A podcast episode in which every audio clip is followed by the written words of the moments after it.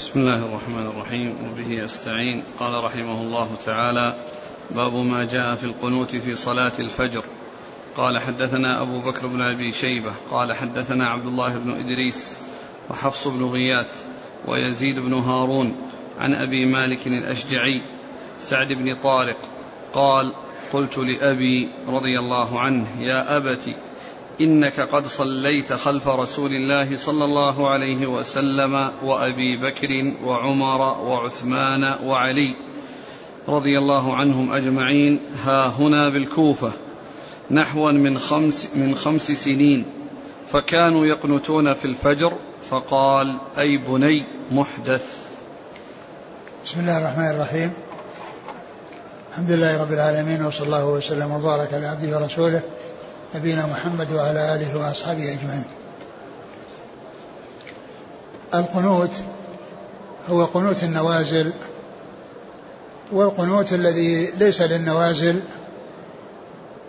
ويكون في الفجر فما كان للنوازل فقد جاءت به السنة عن رسول الله صلى الله عليه وسلم ولكنه ليس بشيء دائم وإنما هو في النازلة التي تحصل ويقنت للدعاء فيها فإن هذا سائغ وقد جاءت به الأحاديث عن الرسول صلى الله عليه وسلم لكن هذا ليس خاصا بالفجر.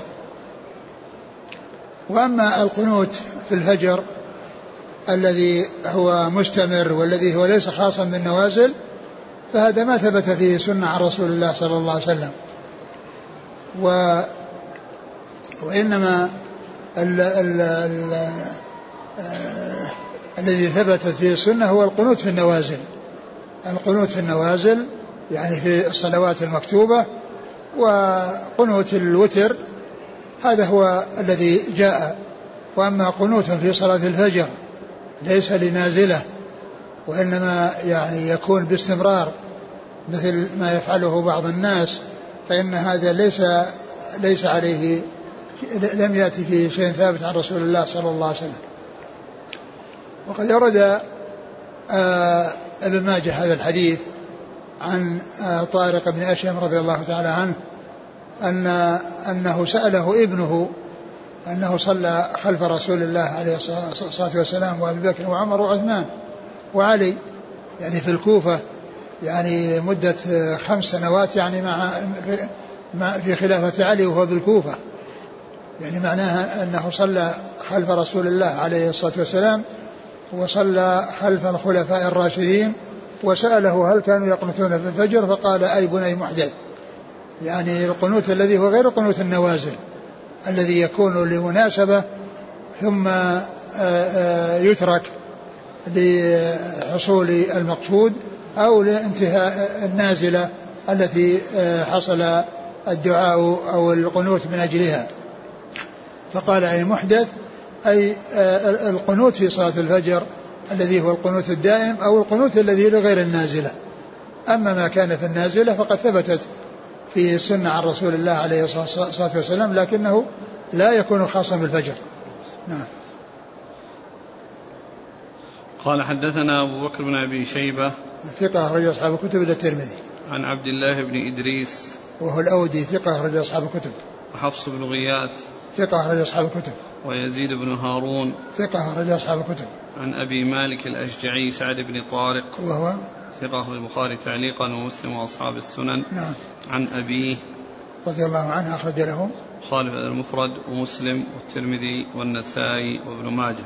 نعم. هل يشترط في قنوت النوازل إذن الإمام؟ نعم. يعني يحتاج إلى إذن الإمام. وإلا فإن كلا يعني يعني يعمل شيء أو يقنت على الشيء الذي يهواه. نعم. هل في فرق بين قوله محدث ومبتدع؟ المحدث هو المبتدع. والحديث الذي ورد وهو قوله صلى الله عليه وسلم وإياكم محدثات الأمور فإن كل محدثة بدعة. نعم. قال حدثنا حاتم بن بكر الضبي قال حدثنا محمد بن يعلى زنبور قال حدثنا عنبسة بن عبد الرحمن عن عبد الله بن نافع عن أبيه عن أم سلمة رضي الله عنها أنها قالت نهى رسول الله صلى الله عليه وسلم عن القنوت في الفجر. ثم ورد هذا الحديث أن النبي صلى الله عليه وسلم عن أم سلمة أن النبي صلى الله عليه وسلم نهى عن القنوت في الفجر. نهى عن القنوت في الفجر. والقنوت في الفجر وغير الفجر للنوازل هذا ثابت عن رسول الله صلى الله عليه وسلم. ثابت عن رسول الله عليه الصلاة والسلام. و آه، آه، وقد جاءت الأحاديث في ذلك عن رسول الله عليه الصلاة والسلام. يعني أنه يقنت في الفجر وغيرها للنوازل. وهي في الصحيحين وفي غيرهما كان يدعو على أناس ويدعو لأناس يعني مدة معينة ثم يترك. و فما جاء في هذا الحديث يخالف تلك الأحاديث. والقنوت في النوازل ثابت. وهذا الحديث غير صحيح لأنه مسلسل بالضعفاء. وفيهم من هو متروك ومن هو ضعيف ومن هو مقبول. ومن كان ثقة منهم فإنه لم يثبت سماعه ممن قبله. وهو نافع لأنه لم يثبت سماعه عن أم سلمة من أم سلمة. فيكون الحديث من أوله إلى آخره يعني آه، فيه آه، فيه الضعف. من جهة أن الأول اللي هو شيخه مقبول واللي فوقه ضعيف واللي فوقه متروك واللي فوقه ضعيف ونافع الذي هو الثقة لم يثبت سماعه عن أم سلمة. بل قيل إن بأحد رواته أنه وضاع فالحديث وصف بأنه موضوع وهو عنبسة بن عبد الرحمن متروك واتهمه بعضهم بالوضع أو قال بعضهم إنه وضاع. فالحديث غير ثابت عن رسول الله صلى الله عليه وسلم. قال حدثنا حاتم بن بكر الضبي. مقبول أخرج له. ابن ماجه. عن محمد بن يعلى زنبور. وهو ضعيف أخرج له. الترمذي وابن ماجه. نعم. عن عنبسة بن عبد الرحمن. وهو متروك اتهمه بعضهم بالكذب الوضع أخرج له. الترمذي وابن ماجه. نعم. عن عبد الله بن نافع. وهو ضعيف. أخرج له ابن ماجه. نعم. عن أبيه نافع مولى بن عمر ثقة أخرج أصحاب الكتب. عن أم سلمة. أم سلمة هند بنت أبي أمية رضي الله عنها أخرج لها أصحاب الكتب.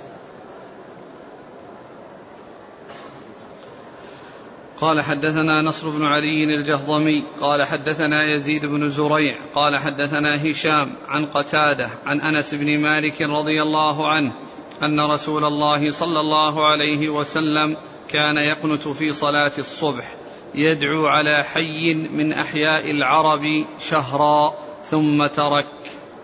ثم ذكر هذا الحديث عن أنس رضي الله عنه وهو أن النبي صلى الله عليه وسلم قنت شهرا يدعو على حي من أحياء العرب.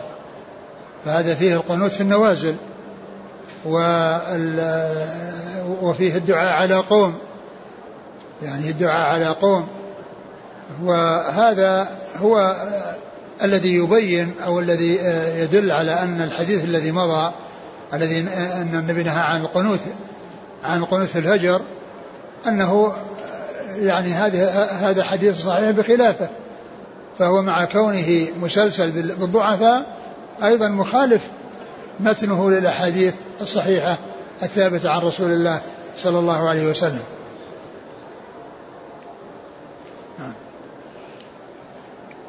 كان يقنت في صلاة الصبح يدعو على حي من أحياء العرب. نعم على حي من أحياء يدعو عليهم نعم. قال حدثنا نصر بن علي الجهضمي. ثقة أخرج أصحاب الكتب. عن يزيد بن زريع. ثقة أخرج أصحاب الكتب. عن هشام. الدستوائي ثقة أخرج أصحاب الكتب. عن قتادة. قتادة بن دعامة السدوسي البصري ثقة أخرج أصحاب الكتب. عن أنس بن مالك. خادم رسول الله عليه الصلاة والسلام. وأحد السبعة المكثرين من حديثه. قوله شهرا هل هو قيد؟ يعني هذا هو الذي حصل. يعني مو معناه أنه يقنط شهر وأنه لا يزاد عليه ولا ينقص وإنما هو للحاجة. يعني هذا بيان الواقع الذي قد حصل.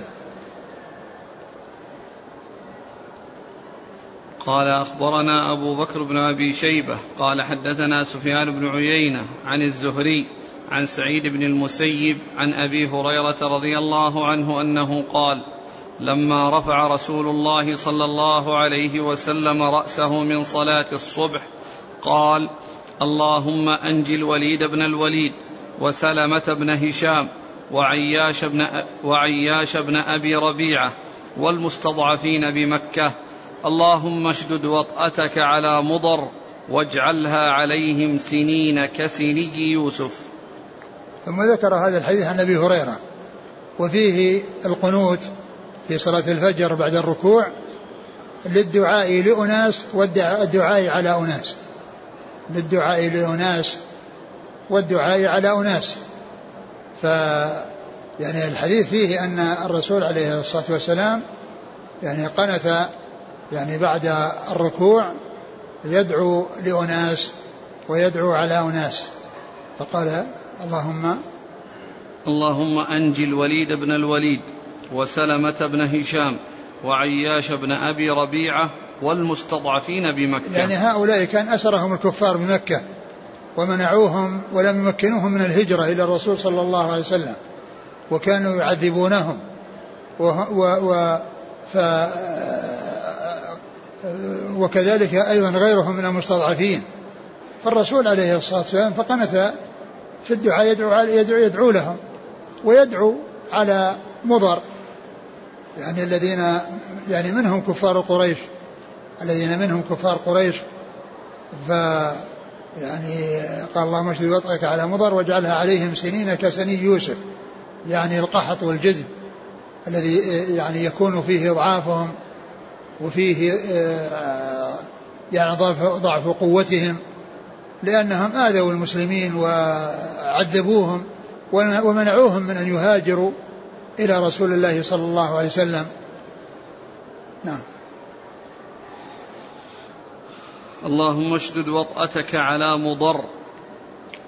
نعم يعني إنه ينزل فيهم العقوبة شديدة وينزل فيهم بأسه وعذابه ومن ذلك أنه آه، يصيبهم بالقحط والجذب الذي آه، تشل به قوتهم ويحصل به ضعفهم. واجعلها عليهم كسنين كسني يوسف. كسني يوسف يعني السنين التي عبر عبرها يوسف لأن التي رؤيا الملك رؤيا الملك التي عبرها يوسف وأنها آه، سبع شداد يعني آه، فيها آه، تأكل كل ما عندهم وتقضي على ما هو بحوزتهم فيحصل لهم بذلك الضعف الشديد. يعني معناه أنه يحصل لهم الجد ويحصل لهم القحط. وهي السبع الشداد التي جاءت في الرؤيا الملك والتي عبرها يوسف عليه الصلاة والسلام والتي جاءت في سورة في سورة يوسف قال أخبرنا أبو بكر بن أبي شيبة عن سفيان بن عيينة ثقة أخرج أصحاب الكتب عن الزهري عمرو عبد الرحمن بن عمرو الزهري محمد بن مسلم بن عبيد الله ثقة أخرج أصحاب الكتب. عن سعيد بن المسيب وهو ثقة أخرج أصحاب الكتب. عن أبي هريرة. نعم.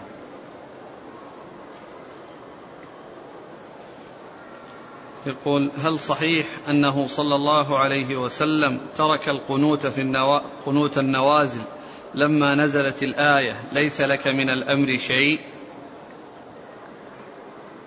آه، ما نعلم أنه تركه ولكن يعني أولئك الذين كان يدعو عليهم وأنهم يحصل لهم يعني كذا يعني آه، منهم من حسنت حاله بعد ذلك ومنهم من دخل في الإسلام ومنهم من هداه الله ومنهم من بقي و يعني حصل هلاكه في بدر حصل هلاكه في بدر في وقعة بدر فالنوازل ما تركت ولا نسخت. أقول ما في شيء يدل على نسخها وإنما كان دعا للحاجة والقنوت في النوازل باقي وحكمه مستمر. نعم. هل ثبت أن النبي صلى الله عليه وسلم قنت في صلاة السر؟ ما أذكر الآن لكن يعني ال ال هو هو جاء يعني في أن أن الصلوات كلها يقنت فيها لكن ما أتذكر الحديث اللي ورد فيها. ألا يفهم من هذا الحديث الأخير أن الإطالة في الدعاء في قنوت النوازل خلاف السنة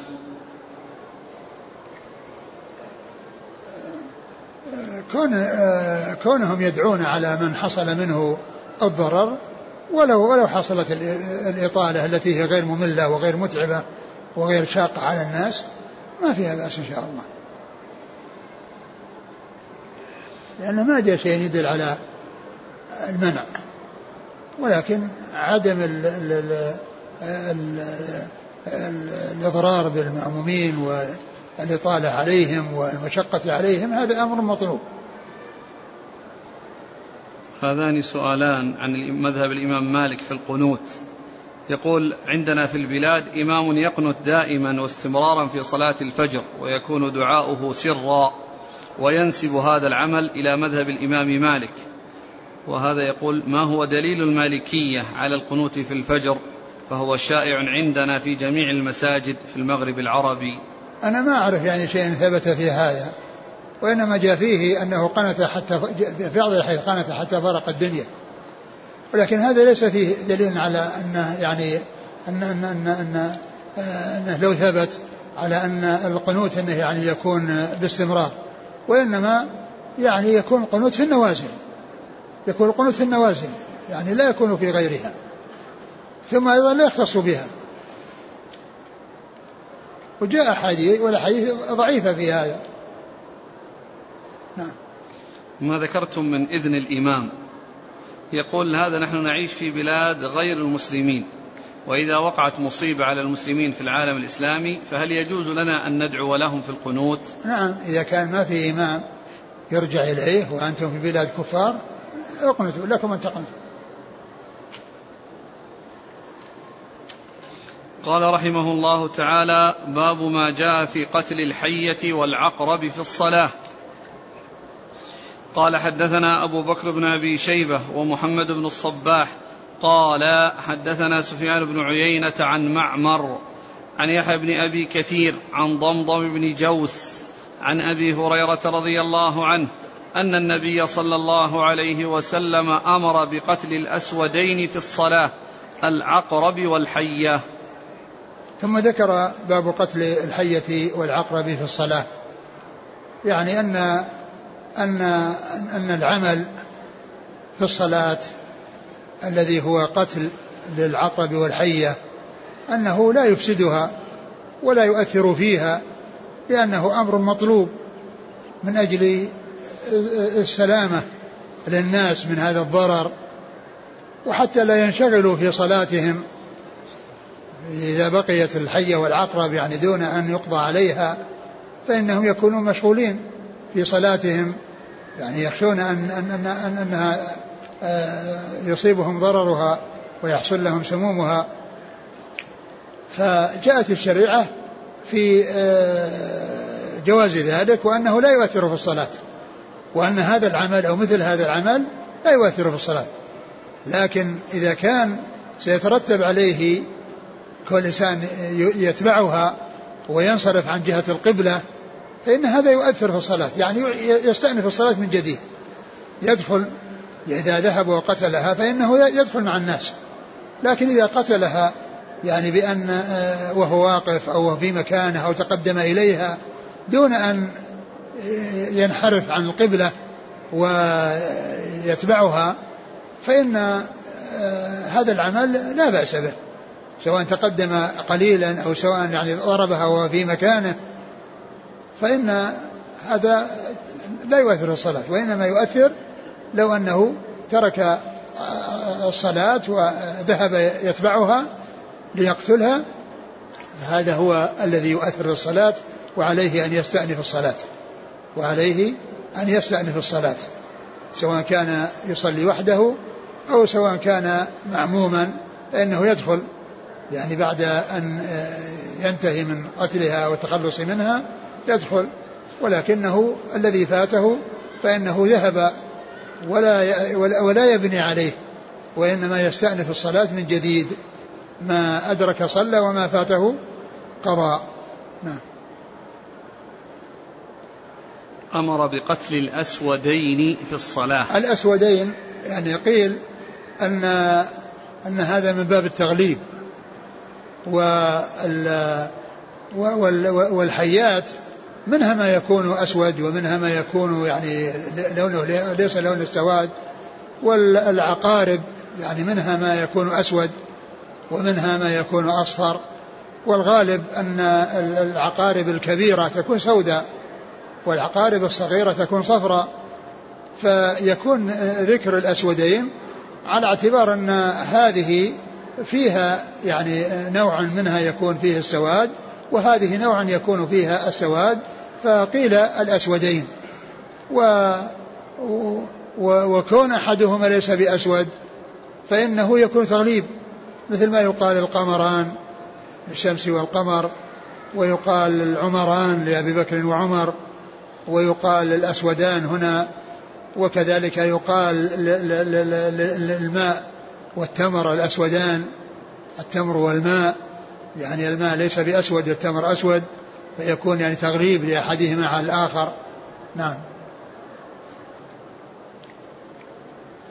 لكن هل يقاس أو يذكر معهما تنصيص عليهما على وش على العقرب والحية بقية المؤذيات أو الحشرات؟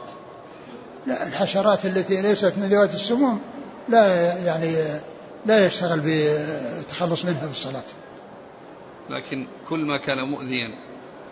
لا بس الشيء الذي يعني الشيء الذي يؤذي يعني مثل مثل الفأرة ما يروح يعني يعني يتقدم لها. يعني إذا كان أنها يعني حتى لو حتى لو تركها لأن لأنها ما هو أذاها مثل أذى الحيات والعقارب. هذه فيها سموم. فيعني ليس كل شيء فيه أذى يعني يقتل في الصلاة وإنما جاء ذكر الحية والعقارب لأن فيها سموم. قال حدثنا أبو بكر بن أبي شيبة ومحمد بن الصباح. صدوق أخرج له؟ أبو داود بن ماجه. نعم. عن سفيان بن عيينة. ثقة أخرج أصحاب الكتب. عن معمر. بن راشد البصري وثقة. أخرج أصحاب الكتب. عن يحيى بن أبي كثير اليمامي وهو ثقة أخرج أصحاب الكتب. عن ضمضم بن جوس وهو ثقة أخرج أصحاب السنن. نعم. عن أبي هريرة. نعم. هل تقتل الحية في البيت وهو يصلي؟ ألم يأتي النهي عن قتلها قبل التحريج عليها؟ إلا يعني ما كان في البيوت فإنه يكون التحريج عليه. لكن إذا كان في غير البيوت فإنه يقتلها.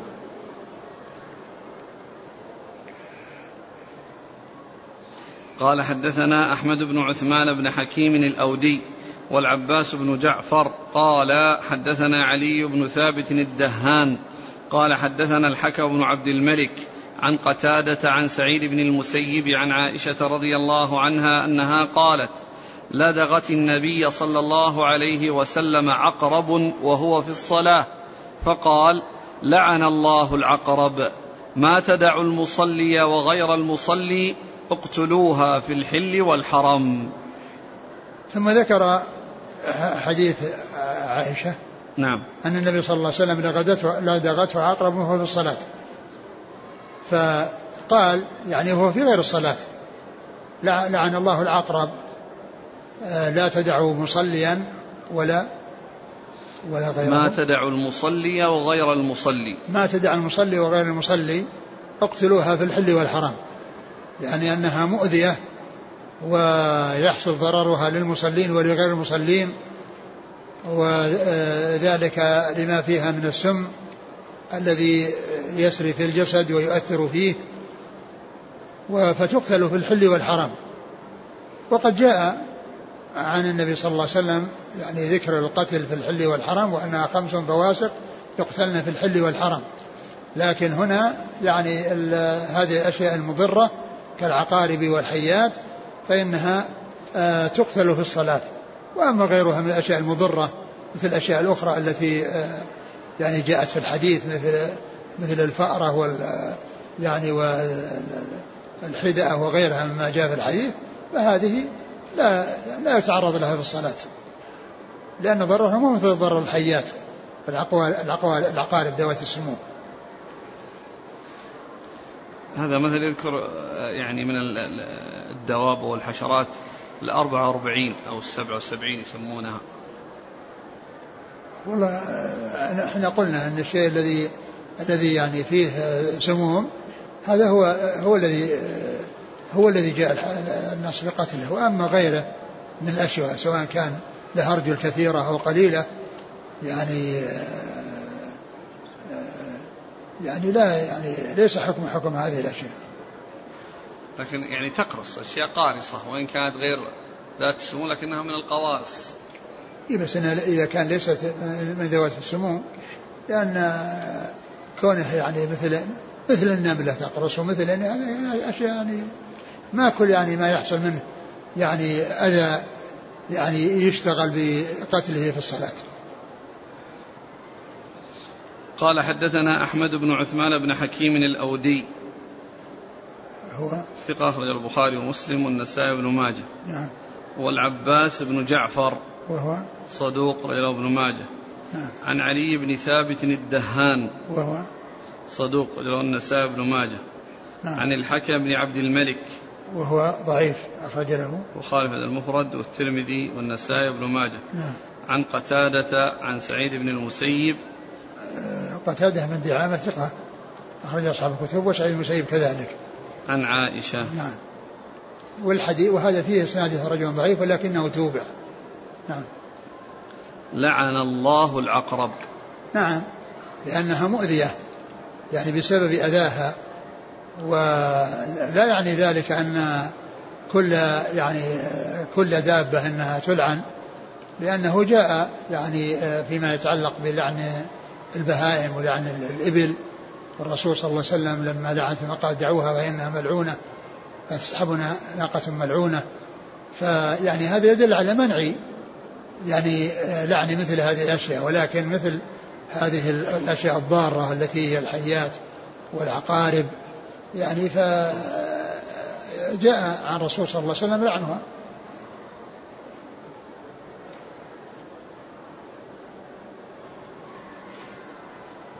اللعن هنا لا يأتي بمعنى الذم ليس معنى الدعاء. يعني الدنيا ملعونة ملعون ما فيها. أقول لا مانع.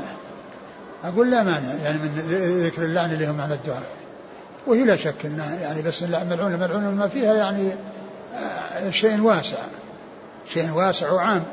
لكن آه، يعني آه، يعني هذه الأشياء المؤذية أو هذا الذي فيه السموم ولدغت الرسول صلى الله عليه وسلم في الصلاة وهي تلدغ المصلي وغير المصلي ولا يسلم من أذاها أحد.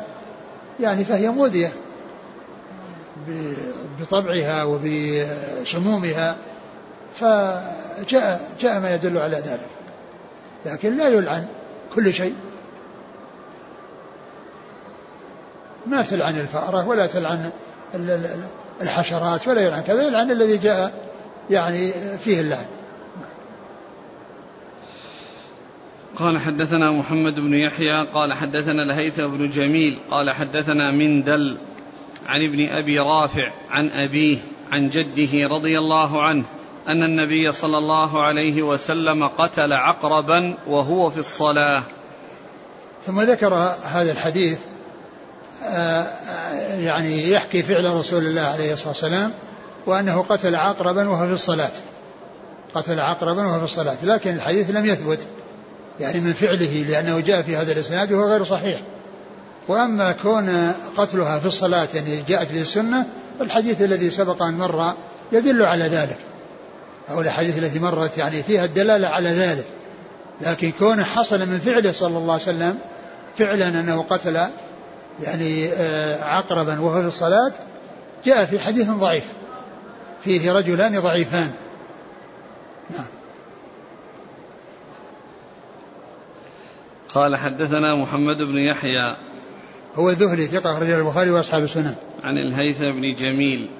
وهو ثقة أخرج البخاري في الأدب المفرد وأبو داود في القدر والنسائي في مسند علي وابن ماجه. نعم. عن مندل. وهو ضعيف أخرج له. أبو داود وابن ماجه. عن ابن أبي رافع. وهو محمد بن عبيد الله بن أبي رافع وهو ضعيف أخرج له. ابن ماجه. نعم. عن أبيه. عبيد الله وهو ثقة أخرج أصحاب الكتب. عن جده. جده أبي رافع أبو رافع رضي الله عنه أخرجه أصحاب الكتب. قال رحمه الله تعالى باب النهي عن الصلاة بعد الفجر وبعد العصر. قال حدثنا أبو بكر بن أبي شيبة قال حدثنا عبد الله بن نمير وأبو أسامة عن عبيد الله بن عمر عن خبيب بن عبد الرحمن عن حفص بن عاصم عن أبي هريرة رضي الله عنه أن رسول الله صلى الله عليه وسلم نهى عن صلاتين عن الصلاة بعد الفجر حتى تطلع الشمس. وبعد العصر حتى تغرب الشمس. ثم ذكر ابن ماجه رحمه الله هذه الترجمة باب في النهي عن عن صلاتين. عن الصلاة بعد الفجر وبعد العصر. عن الصلاة بعد الفجر وبعد العصر. يعني التنفل يعني في هذه الأوقات. يعني جاءت الشريعة بمنعه. وذلك في أحاديث كثيرة. من هذا الحديث؟ أن النبي صلى الله عليه وسلم نهى عن الصلاة بعد العصر حتى تغرب الشمس. وعن الصلاة بعد الفجر حتى تطلع الشمس. فإذا هذه ليست يعني محلا للصلوات وللتنفل و وإنما يجوز منها ما جاءت السنة به مثل قضاء ركعتي الفجر ومثل الكسوف ومثل ومثل يعني صلاة الجنازة يعني الأشياء التي ورد يعني أنها يعني ورد فيها يعني نصوص أو أنها تتعلق بالحاجة إلى المبادرة فيها والإسراع فيها فإن ذلك لا بأس به. وأما التنفل والتقرب إلى الله عز وجل بالصلاة في هذه الأوقات فقد جاء النهي في ذلك عن رسول الله عليه الصلاة والسلام في هذا الحديث وغيره من الأحاديث. نهى رسول الله نهى رسول الله. نهى صلى الله عليه وسلم عن صلاتين. نعم. عن الصلاة بعد الفجر حتى تطلع الشمس وبعد العصر حتى تغرب الشمس. نعم. ويعني وقد اختلف في تحية المسجد. يعني هل تصلى أو لا تصلى. فمن العلماء من أخذ بعموم هذا الحديث وأنها لا تصلى ومنهم من أخذ بعموم قوله لا يجلس حتى يصلي ركعتين. قال وهو عام في جميع الأوقات يعني إذا دخل في جميع الأوقات. فمن العلماء من غلب جانب النهي في ترك في منع الصلاة ومنهم من غلب جانب عدم الجلوس إلا بعد الصلاة في جميع الأوقات. والذي يظهر والله أعلم أن الأمر في ذلك واسع. من جلس لا ينكر عليه ومن صلى لا ينكر عليه. نعم. قال حدثنا أبو بكر بن أبي شيبة عن عبد الله بن نمير. عبد الله بن نمير ثقة أخرج أصحاب الكتب. وأبي أسامة. حماد بن أسامة ثقة أخرج أصحاب الكتب. عن عبيد الله بن عمر. وعبيد الله بن عمر بن حفص بن عاصم بن عمر بن الخطاب وهو ثقة أخرج أصحاب الكتب. عن خبيب بن عبد الرحمن. وهو ثقة أخرج له. أصحاب الكتب. عن حفص بن عاصم. وهو ثقة أخرج أصحاب الكتب. وحفص بن عاصم هذا هو جد عبد عبيد الله الذي جاء في الإسناد. نعم. عن أبي هريرة. نعم. قال حدثنا أبو بكر بن أبي شيبة قال حدثنا يحيى بن يعلى التيمي عن عبد الملك بن عمير عن قزعة عن أبي سعيد الخدري رضي الله عنه عن النبي صلى الله عليه وسلم أنه قال لا صلاة بعد العصر حتى تغرب الشمس. ولا صلاة بعد الفجر حتى تطلع الشمس. ثم ذكر حديث أبي سعيد وهو بمعنى حديث الحديث المتقدم. نعم. قال حدثنا أبو بكر بن أبي شيبة عن يحيى بن يعلى التيمي. هو؟ ثقة أخرجه مسلم والترمذي والنسائي بن ماجه. نعم. عن عبد الملك بن عمير. وهو ثقة أخرج له. أصحاب الكتب. نعم. عن قزعة. وهو ثقة أخرج له. أصحاب الكتب. نعم. عن أبي سعيد الخدري. نعم. قال حدثنا محمد بن بشار قال حدثنا محمد بن جعفر قال حدثنا شعبة عن قتادة حاء قال وحدثنا أبو بكر بن أبي شيبة قال حدثنا عفان قال حدثنا همام قال حدثنا قتادة عن أبي العالية عن ابن عباس رضي الله عنهما أنه قال شهد عندي رجال مرضيون. فيهم عمر بن الخطاب رضي الله عنه وأرضاهم عندي عمر. أن رسول الله صلى الله عليه وسلم قال لا صلاة بعد الفجر حتى تطلع الشمس ولا صلاة بعد العصر حتى تغرب الشمس. ثم ذكر هذا الحديث عن ابن عباس عن جماعة من أصحاب الرسول صلى الله عليه وسلم وفي مقدمتهم عمر بن الخطاب رضي الله عنه وهو مثل الحديث الذي قبله الحديث الحديثين الذي قبله النهي عن الصلاة بعد العصر حتى تروى الشمس وعن الصلاة بعد الفجر حتى تطلع الشمس. نعم. قال حدثنا محمد بن بشار. هو من دار ثقة أصحاب الكتب. عن محمد بن جعفر وهو غندر ثقة أخرج أصحاب الكتب. عن شعبة شعبة بن الحجاج ثقة أخرج أصحاب الكتب. عن قتادة. نعم. ها قال وحدثنا أبو بكر بن أبي شيبة عن عفان. عفان بن مسلم الصفار ثقة أخرج أصحاب الكتب. عن همام. همام بن يحيى العوذي ثقة أخرج أصحاب الكتب. عن قتادة عن أبي العالية. أبو العالية رفيع بن مهران الرياحي وهو ثقة أخرج له. أصحاب الكتب. نعم. عن ابن عباس. نعم. عن عمر. نعم عن عمر بن بن عباس أحد العبادلة وأحد السبع المكثرين وعمر رضي الله عنه آه، أمير المؤمنين وثاني الخلفاء الراشدين الهاديين المهديين صاحب المناقب الجمة والفضائل الكثيرة وحديثه عند أصحاب الكتب الستة. يقول هل يمكن أن يقال عن النهي عن الصلاة في هذه الأوقات أنها من الحديث المتواتر كثرة طرقها؟ نعم قال بعض أهل العلم أنها متواترة. قال رحمه الله تعالى باب ما جاء في الساعات التي تكره فيها الصلاة.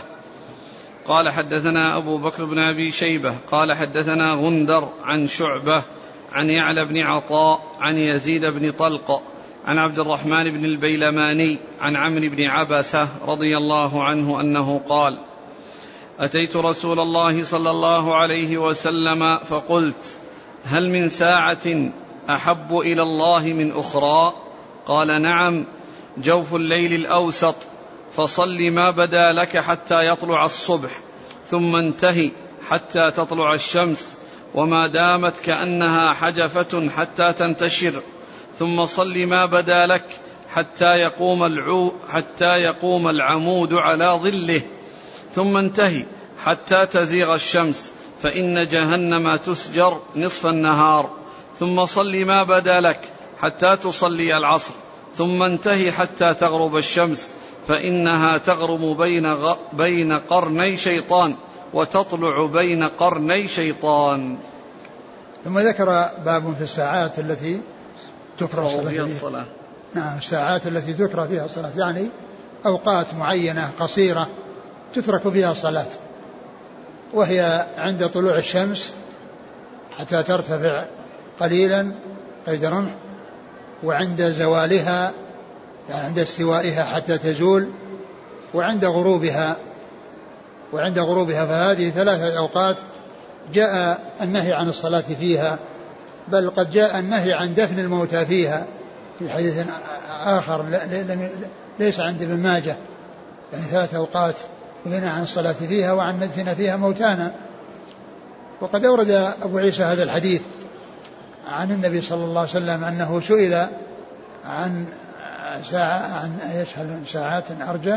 عن عمرو بن عبسة قال أتيت رسول الله صلى الله عليه وسلم فقلت هل من ساعة أحب إلى الله من أخرى؟ قال نعم. جوف الليل الأوسط. هل من ساعة أحب إلى الله من الأخرى؟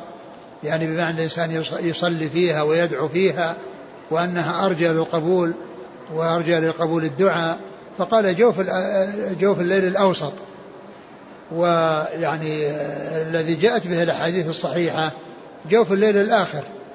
يعني جوف الليل الآخر فيكون يعني ذكر جوف الليل الأوسط يعني هذا يعني غير محفوظ. والمحفوظ جوف الليل الآخر. وذلك لأنه وقت نزول الله عز وجل والذي جاءت الأحاديث يعني في في في فضله وكذلك كون الوتر يكون فيه لمن وثق من قيامه وهو إلى إلى طلوع الفجر. فإذا طلع الفجر انتهى قيام الليل. ثم بعد ذلك إيش بعده؟ قال ثم قال فصل ما بدا لك حتى يطلع الصبح.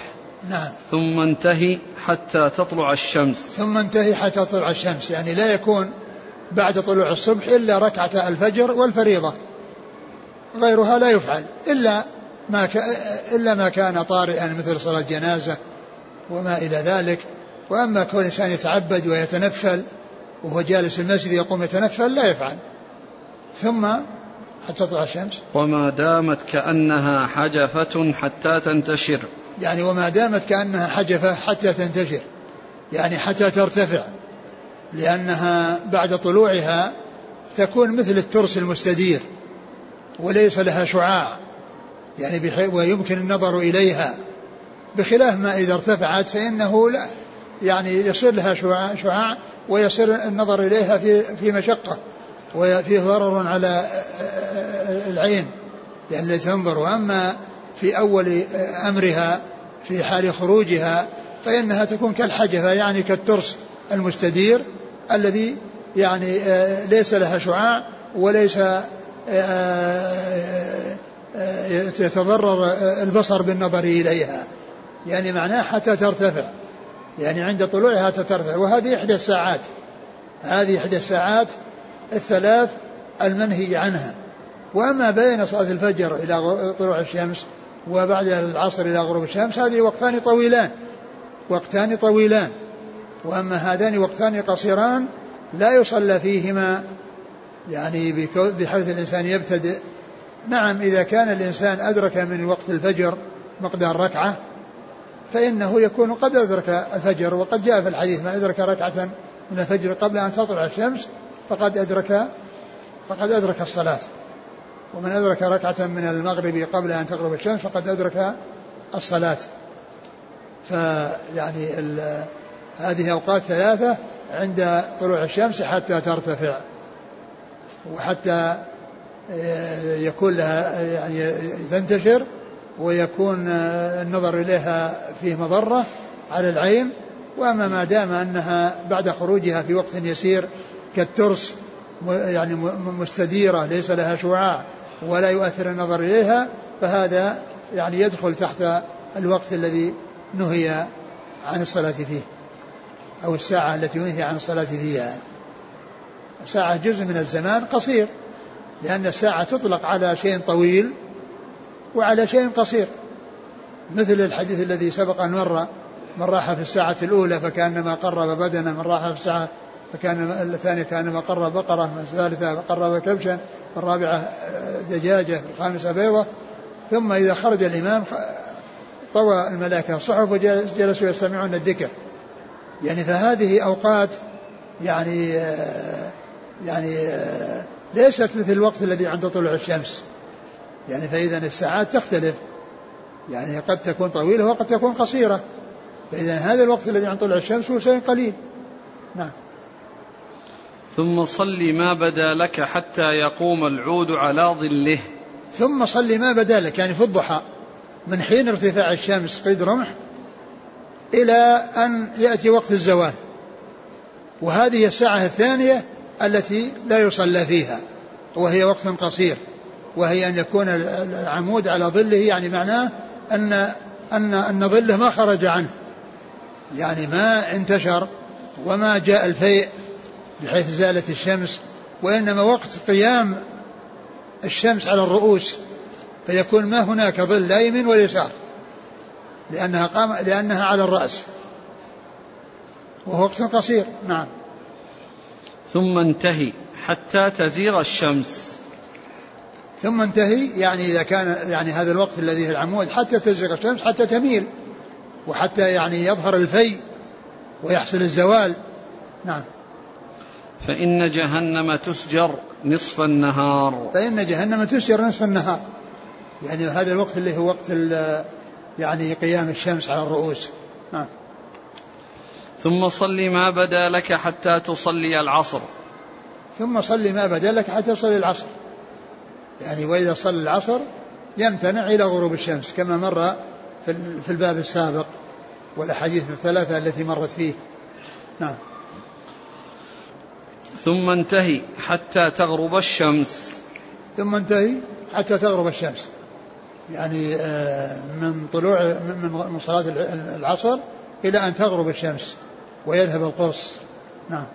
فإنها تغرب بين قرني شيطان وتطلع بين قرني شيطان. تطلع بين قرني شيطان وتغرب بين قرني شيطان وذلك أن أن الذين يعبدون الشمس يعبدون الشيطان. وهو يعني آه، آه، يكون يعني يعني عند طلوعها يعني تظهر بين قرنيه بمعنى أنه يبرز ويكون يعني حتى يتحقق أن العبادة حصلت له من الذين يعبدون الشمس. لأن يعبدون الشمس يعبدون الشيطان. الذين يعبدون الشمس إنما يعبدون الشيطان. فهو تظهر بين قرنيه فالذين يعبدونه يعبدون يعبدون الشمس يعبدونه. فلهذا نهي عن الوقت. الذي آه، يعبد فيه أو يوجد من الكفار من يعبد الشيطان عند طلوع الشمس أو يعبد الشمس وهو في الحقيقة يعبد الشيطان لأن من الناس من يعبد الشمس. نعم. قال حدثنا أبو بكر بن أبي شيبة قال حدثنا غندر عن شعبة عن يعلى بن عطاء. يعلى بن عطاء هو؟ ثقة أخرج البخاري القراءة ومسلم وأصحاب السنن. نعم. عن يزيد بن طلق وهو؟ مجهول أخرجه النسائي بن ماجه. نعم. عن عبد الرحمن بن البيلماني وهو؟ ضعيف أخرجه نعم. أصحاب السنن. نعم. عن عمرو بن عبسة رضي الله عنه أخرج له. مسلم وأصحاب السنن. نعم والحديث فيه ضعيفان ولكن الحديث صحيح يعني من طرق أخرى وإنما الذي فيه يعني هو ذكر جوف الليل الأوسط فيكون يعني هذا اللفظ ضعيف وأما جوف الليل الآخر وما وما جاء في يعني في يعني فيه من الأمور الأخرى فإنها جاءت في أحاديث أخرى. نعم.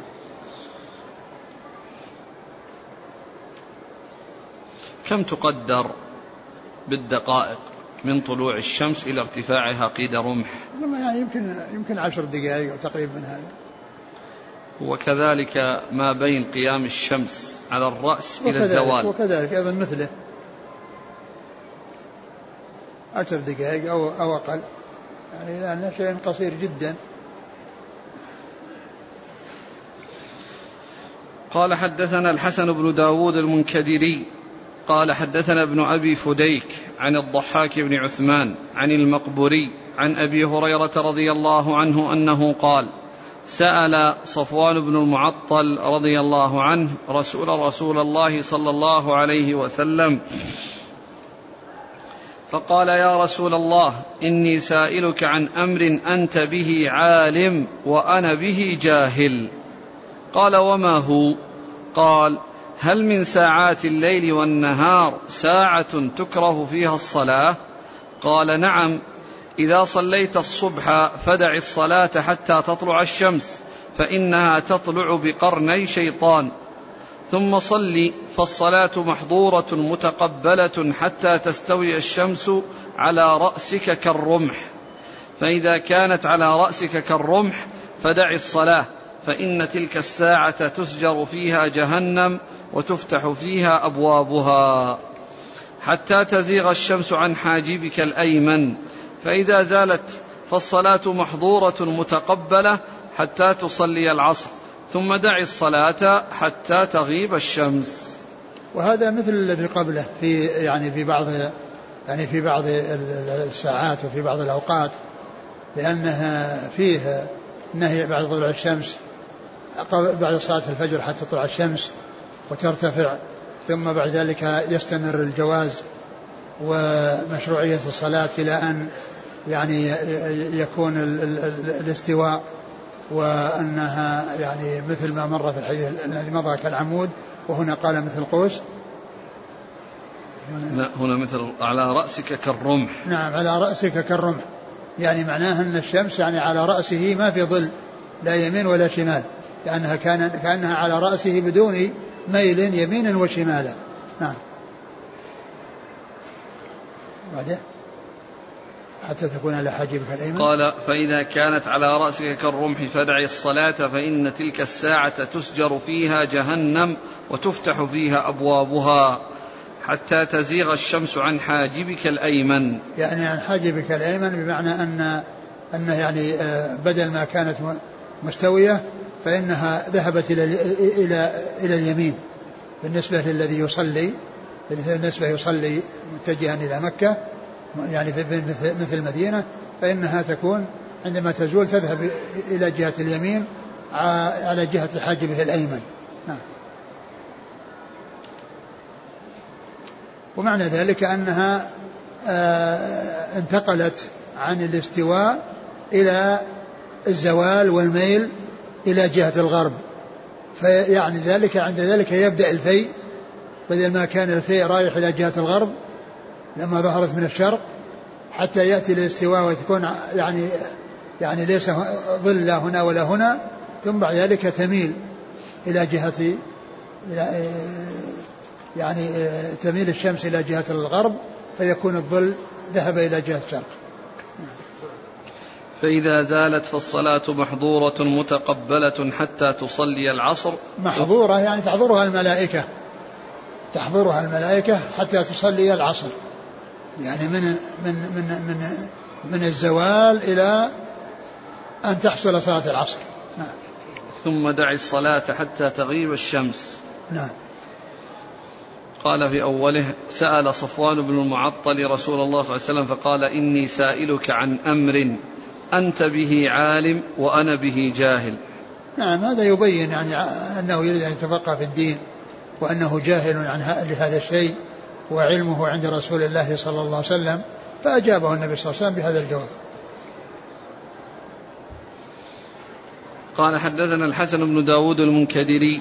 هو؟ لا بأس به له النسائي بن ماجه. نعم. عن ابن أبي فديك. وهو؟ محمد بن إسماعيل صدوق أخرج له أصحاب الكتب. نعم. عن الضحاك بن عثمان. وهو صدوق؟ يهم أخرج له مسلم وأصحاب السنن. نعم. عن المقبري وهو ثقة لأصحاب الكتب سواء كان الابن أو الأب. كل كل منهما ثقة. يروي عن من؟ عن أبي هريرة. نعم وكل منهم يروي عن أبي هريرة. مباشرة. الابن والأب حسب كلام البوصيري سعيد. سعيد الابن؟ نعم. نعم. كلام مين؟ البوصيري نعم. يقول هل النهي قائم كذلك في يوم الجمعة لمن أراد التطوع قبل الصلاة؟ نعم يعني إذا جاء وقت الزوال ويعني عرف وقته فإن الإنسان يمتنع عن الصلاة.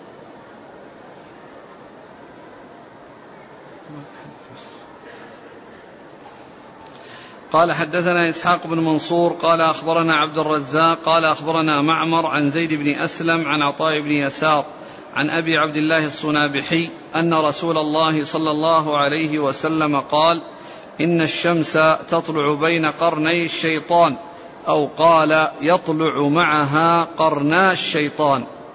فإذا ارتفعت فارقها فإذا كانت في وسط السماء قارنها فإذا دلكت أو قال زالت فارقها فإذا دنت للغروب قارنها فإذا غربت فارقها. فلا تصلوا هذه الساعات الثلاث. ثم ذكر حديث الصنابحي يعني في هذه الساعات الثلاث التي هي عند طلوع الشمس وعند قيامها وعند غروبها. والصنابحي هو من التابعين فالحديث مرسل وهو غير صحيح ولكن بعضه يعني جاء ما يدل عليه. يعني كون آه، الشيطان يعني آه، يكون عند طلوعها وعند غروبها جاءت الأحاديث في ذلك وأنها تظهر بين قرض الشيطان وأنه يعني يريد أن يعبده من يعبد الشمس لكن ذكر كونه يعني يكون يعني عند زوال الشمس يعني هذا جاء في هذا الحديث والذي جاء أنها تسجر كما مر في الأحاديث السابقة يعني أن علل بأنها تسجر النار وتفتح أبوابها. وأما في هذا الحديث ففيه ذكر يعني أن الشيطان يعني يفعل مثل ما فعل عند طلوع الشمس وعند غروبها. فالحديث فيه إرسال مرسل ومعلوم أن المرسل عند المحدثين ليس بحجة لأن لأن الاحتمال أن يكون الساقط تابعيا ضعيفا. احتمال أن يكون الساقط تابعيا ضعيفا. والصنابحي هو عبد الرحمن بن عسيلة وهو من التابعين أو من كبار التابعين. وقد قدم قدم إلى النبي صلى الله عليه وسلم ولما كان بالجحفة قد جاء من اليمن جاءه وفد أو جاء وفد من المدينة فقالوا إن النبي صلى الله عليه وسلم قد دفن قد يعني قد توفي. فوصلوا إلى المدينة يعني بعد خمسة أيام من وفاته عليه الصلاة والسلام لأنهم كانوا بالجحفة فهو تابعي. يعني ممن أدرك الجاهلية والإسلام ولم يلقى النبي صلى الله عليه وسلم فهو مخضرم. هو من المخضرمين. وإذا في الحديث مرسل. ولكن يعني بعضه يعني كما هو معلوم جاء ما يدل عليه في البداية والنهاية. وإنما الذي جاء كون الشيطان يحصل منه عند قيامها هذا ما حصل عنده منه عند طلوعها وغروبها. نعم. قال حدثنا إسحاق بن منصور هو الكوسج ثقة أخرج أصحاب الكتب إلا أبا داود. عن عبد الرزاق. بن همام الصنعاني اليماني ثقة أخرج أصحاب الكتب. عن معمر. نعم. عن زيد بن أسلم. وهو ثقة أخرج أصحاب الكتب. عن عطاء بن يسار. وهو ثقة أخرج أصحاب الكتب. عن أبي عبد الله الصنابحي. وأبو عبد الله الصنابحي هو عبد الرحمن بن عسيلة وهو مخضرم ثقة أخرج له أصحاب الكتب. أخرج له أصحاب الكتب. وهذا هو الذي يعني كما ذكرت آه، قدم من اليمن ليصحب الرسول صلى الله عليه وسلم وليلقاه ويتشرف بصحبته. فأدرك فمات النبي صلى الله عليه وسلم وبينه وبين المدينة يعني خمس خمس مراحل. لأنه كان يعني كان بالجحفة جاءه الخبر. و يعني أقرب منه يعني في المدة آه، سويد بن غفلة فإنه قدم المدينة في اليوم الذي دفن فيه الرسول صلى الله عليه وسلم. قدم المدينة في اليوم الذي دفن فيه الرسول صلى الله عليه وسلم ولهذا قالوا فيه كاد أن يكون صحابيا كاد أن يكون صحابيا ما بينه وبين الصحابة شيء. نعم. قال رحمه الله تعالى باب ما جاء في الرخصة في الصلاة بمكة في كل وقت.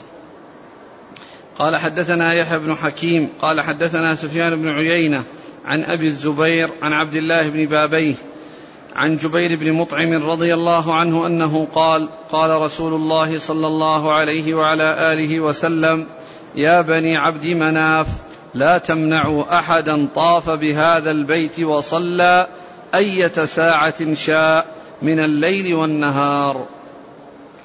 ثم ذكر الصلاة في في في المسجد الحرام آه، في جميع الأوقات. الرخصة في الصلاة بمكة في كل وقت. الرخصة في الصلاة في مكة في كل وقت. لما ذكر الأحاديث المتقدمة التي فيها النهي عن الصلاة يعني بعد العصر حتى تغرب الشمس وعن الفجر بعد الفجر حتى تطلع الشمس يعني ذكر هذه الترجمة وذكر هذا الحديث أن النبي صلى الله عليه وسلم قال يا بني عبد مناف لا تمنعوا أحدا طاف البيت أو صلى أي ساعة شاء من ليل ونهار وقد اختلف العلماء فمنهم من قال إن هذا الحديث على عمومه وأن مكة لها خصوصية وأنه يتنفل فيها في كل وقت سواء بعد العصر ولا بعد المغرب بعد الفجر. ومنهم من قال إن إنها كغيرها وإنما الصلاة التي تكون مع الطواف. الصلاة التي تكون مع الطواف فإنها تكون في كل وقت. فالإنسان إذا صلى إذا طاف فإنه يصلي ركعتي الطواف في كل وقت. والحديث يعني يعني بلفظه يعني عام يعني يدل على جواز ذلك. لكن كون الإنسان يعني في تلك الأوقات التي الأمر فيها مشتبه يعني يطوف ويقرأ القرآن المسألة فيها خلاف بين أهل العلم كما أشرت و يعني كون الإنسان والأمر فيها مشتبه وكون الإنسان آه، في في تلك الأوقات يعني لا يصلي بعد العصر وبعد الفجر يعني لا يقوم يتنفل يعني فيه يعني الاحتياط ومن فعل ذلك لا ينكر عليه لأن الحديث يعني فيه احتمال الدلالة على هذا. قال حدثنا يحيى بن حكيم. هو؟ ثقة أبو داود والنسائي بن ماجه. نعم. عن سفيان بن عيينة عن أبي الزبير. أبو الزبير محمد بن مسلم من تدر الصدوق. أخرج أصحاب الكتب. عن عبد الله بن بابيه. وهو ثقة أخرج له. مسلم وأصحاب السنن. هو يقال بابيه ويقال باباه. وقد سبق أن مر بنا في بإسناد عبد الله بن باباه. وهنا بابيه. نعم. عن جبير بن مطعم. وهو وهو صحابي أخرج أصحاب الكتب. قال رحمه الله تعالى باب ما جاء فيما إذا أخروا الصلاة عن وقتها. قال حدثنا محمد بن الصباح. قال أخبرنا أبو بكر بن عياش عن عاصم عن زر عن عبد الله بن مسعود رضي الله عنه أنه قال قال رسول الله صلى الله عليه وسلم لعلكم ستدركون أقواما يصلون الصلاة لغير وقتها فإن أدركتموهم فصلوا في بيوتكم للوقت الذي تعرفون ثم صلوا معهم واجعلوها سبحة. نعم. قال حدثنا محمد بن بشار قال حدثنا محمد بن جعفر قال حدثنا شعبة عن أبي عمران الجوني عن عبد الله بن الصامت عن أبي ذر رضي الله عنه عن النبي صلى الله عليه وسلم أنه قال صل الصلاة لوقتها فإن أدركت الإمام يصلي بهم فصل معهم وقد أحرزت صلاتك وإلا فهي نافلة لك. قال حدثنا محمد بن بشار قال حدثنا أبو أحمد قال حدثنا سفيان بن عيينة عن منصور عن هلال بن يساف عن أبي المثنى عن أبي أبي ابن امرأة عبادة بن الصامت يعني عن عبادة بن الصامت رضي الله عنه عن النبي صلى الله عليه وسلم أنه قال سيكون أمراء تشغلهم أشياء يؤخرون الصلاة عن وقتها فاجعلوا صلاتكم معهم تطوعا. ثم ذكر آه، ابن ماجه رحمه الله هذه الترجمة وهي باب في في فيما إذا أخروا الصلاة عن وقتها. فيما إذا أخروا الصلاة عن وقتها إذا أخر الأمراء الصلاة عن وقتها أي وقتها ال ال الاختياري وأما يعني تأخيرها عن وقتها فإنه يكون قضاء وليس أداء. فهذا لا يجوز أن تؤخر الصلاة إليه. وإنما ما دام في الوقت الاختياري فإن الإنسان له آه، يعني يصلي. يعني إذا كان في بيته يصلي ثم يأتي ويعني إذا صلوا تكون آه، يعني نافلة أو كان في المسجد ولكنه رآهم تأخروا وقارب أن يخرج الوقت المختار ثم بعد ذلك صلى يعني ثم صلى معهم فتكون الثانية نافلة. فالأحاديث الثلاثة كلها تدل على أن الإنسان يعني إذا كان الأمراء يؤخرون الصلاة عن أوقاتها الاختيارية فإنها فإن الإنسان يصلي سواء كان في بيته أو في المسجد وتكون الصلاة معهم سبحة أي نافلة. وهذا فيما إذا كان في الأوقات الاختيارية. أما إذا أخروها فإنه, فإنه لا يصلى. يعني لا يصلى معهم مثل لو الفجر أتوا بعد طلوع الشمس. ولكن إذا كانت عند طلوع الشمس أو قبل طلوع الشمس هذا وقت يعني آه، آه، على وشك. يعني آه، يعني لا تؤخر إلى قرب طلوع الشمس بحيث أنها قد تطلع. وإنما يعني الوقت الاختياري هذا هو الذي يكون التأخير معهم إليه ويكون الإنسان يصلي قبل ذلك حتى لا يحصل خروج الوقت. أما إذا خرج الوقت فإنه يكون قضاء وليس بأداء. وأما الوقت الاختياري فهو أداء وكذلك الوقت الاضطراري يكون أداء لكن الإنسان لا يصل إلى الوقت الاضطراري إلا مع الأمراء. ويكون ذلك أيضا نافلة إذا كان قد صلى. قبل ذلك. نعم. قال حدثنا محمد بن الصباح عن أبي بكر بن عياش. هو ثقة أخرج له البخاري ومسلم في المقدمة وأصحاب السنة. عن عاصم. عاصم هو آه، آه، آه، بن بهدلة. وهو صدوق أخرج أصحاب الكتب وروايته في الصحيحين مقرون. عن زر. زر بن حبيش ثقة مخضرم أخرج أصحاب الكتب. عن عبد الله بن مسعود. رضي الله عنه أخرج أصحاب الكتب. قال حدثنا محمد بن بشار عن محمد بن جعفر عن شعبة عن أبي عمران الجوني. وهو ثقة أخرج أصحاب الكتب. عن عبد الله بن الصامت. وهو ثقة أخرج البخاري تعليقا ومسلم وأصحاب السنن. نعم. عن أبي ذر. جندب بن جنادة رضي الله عنه أخرج أصحاب الكتب. قال حدثنا محمد بن بشار عن أبي أحمد. الزبيري محمد بن عبد الله بن الزبير ثقة أخرج أصحاب الكتب. عن سفيان بن عيينة عن منصور عن هلال بن يساف. منصور بن معتمر ثقة أخرج أصحاب الكتب وإلا بن يساف هو ثقة أخرج البخاري تعليقا ومسلم وأصحاب السنن. نعم. عن أبي المثنى وهو مجهول. ضمضم الأملوكي وثقه العجلي. نعم. أخرج له أبو داود بن ماجه. نعم. عن أبي أبي بن امرأة عمار عبادة بن الصامت. وهو قال صحابي اسمه عبد الله بن عمرو بن القيس. نعم. صحابي أخرج له أبو داود بن ماجه.